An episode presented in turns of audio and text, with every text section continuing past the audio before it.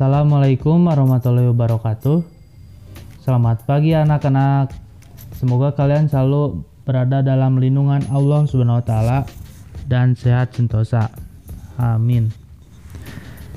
Saya Heru Mutakin di sini akan menjelaskan materi tentang kombinasi gerak dalam permainan bola voli untuk kesempatan podcast kali ini. Sebelum memulai materi, alangkah baiknya kita berdoa dengan membaca basmalah. Bismillahirrohmanirrohim. Langsung aja ke materi, yaitu tentang kombinasi gerak dalam permainan bola voli. Permainan bola voli merupakan salah satu jenis permainan yang mampu menciptakan kemeriahan. Permainan ini sering diperlombakan di daerah untuk memperingati Hari Kemerdekaan Indonesia. Melalui kegiatan ini, semangat nasionalisme akan tumbuh. Apakah daerahmu sering mengadakan perlombaan bola voli? Dan bagaimana kemeriahan perlombaan voli tersebut? Nah, coba ya kalian ceritakan secara, secara singkat. Dalam permainan bola voli, terdapat gerak lokomotor, non-lokomotor, dan manipulatif. Ketiga gerak ini dapat dikombinasikan dalam permainan bola voli. Sebagai langkah awal pembahasan materi kombinasi gerak dasar dalam permainan bola voli. Nah, kalian lakukan ya kegiatan tersebut. Di sini yang pertama, kombinasi gerak non lokomotor dan manipulatif dalam gerakan passing bawah. Sebelumnya kalian tahu nggak passing bawah? Passing bawah merupakan teknik dasar gerak poli yang dilakukan dengan dimulai dari bawah ke atas. Gerakan passing bawah menggunakan lengan bawah untuk memantulkan bola. Saat melakukan passing bawah, kamu harus meluruskan kedua siku di depan badan dan dirapatkan agar bola memantul sempurna. Posisi badan sedikit membungkuk, pandangan mengarah ke bola. Dalam passing bawah ini dilakukan jika bola datang agak rendah. Passing bawah bertujuan agar bola melambung dan memudahkan teman menerima atau memukul bola kembali. Saat melakukan passing bawah, kamu harus memperkirakan kuatnya dorongan terhadap bola. Ketika bola datang dengan kecepatan tinggi, berikan dorongan yang tidak terlalu keras agar bola tidak melambung tinggi. Nah, kalian lakukan passing bawah secara mandiri di rumah. Ada yang ingin ditanyakan? Jika tidak ada, lanjut lagi ke kombinasi gerak non-lokomotor dan manipulatif dalam gerakan passing atas. Nah, sebelumnya kan tadi itu passing bawah dilakukan dari bawah ke atas agar bola melambung. Dalam kali ini dilakukan yaitu gerakan passing atas. Apa perbedaan gerakan passing atas dan passing bawah? Sebelumnya perbedaan itu tidak terlalu signifikan ya.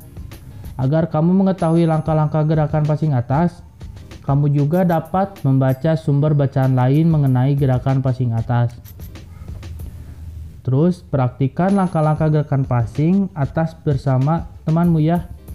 Mintalah temanmu menilai praktekmu dan berilah nilai atas praktek temanmu tersebut. Saat melakukan passing atas, kamu dapat mengkombinasikan gerak non-lokomotor dan manipulatif. Gerak non-lokomotor ditunjukkan dengan menekuk kaki dan mengayun lengan ke atas. Gerakan ini dilakukan tanpa berpindah tempat. Adapun gerakan manipulatif dilakukan dengan mendorong bola ke atas dan ke depan. Yang selanjutnya yaitu mempraktikkan gerak dasar non-lokomotor dan manipulatif dalam gerakan passing.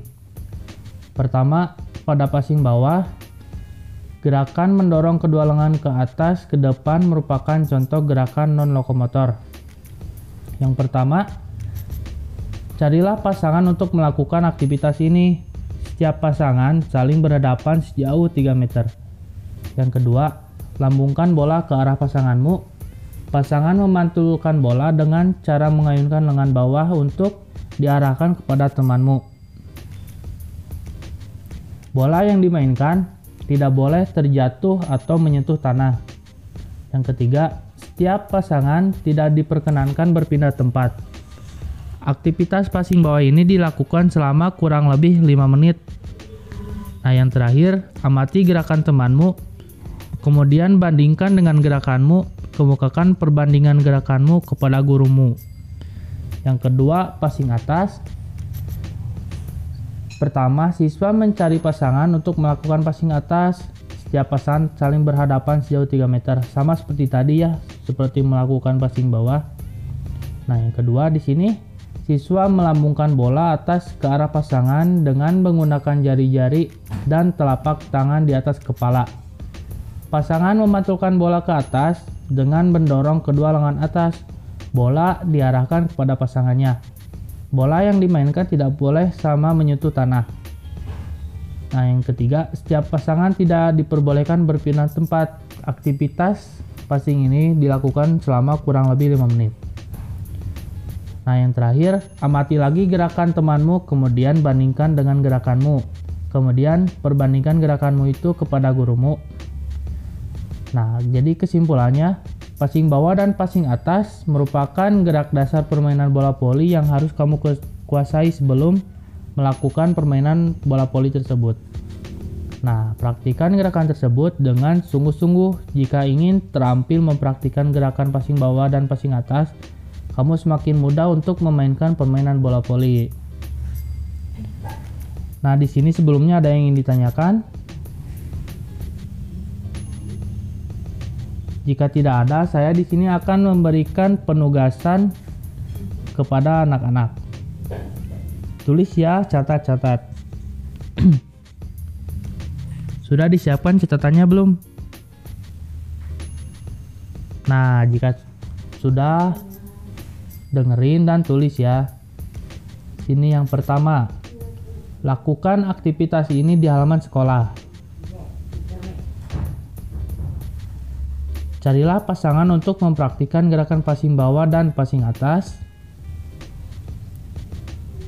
Nah, ini yang terakhir, lakukan passing atas ke arah pasanganmu. Kemudian berjalan atau berlari ke samping dua langkah.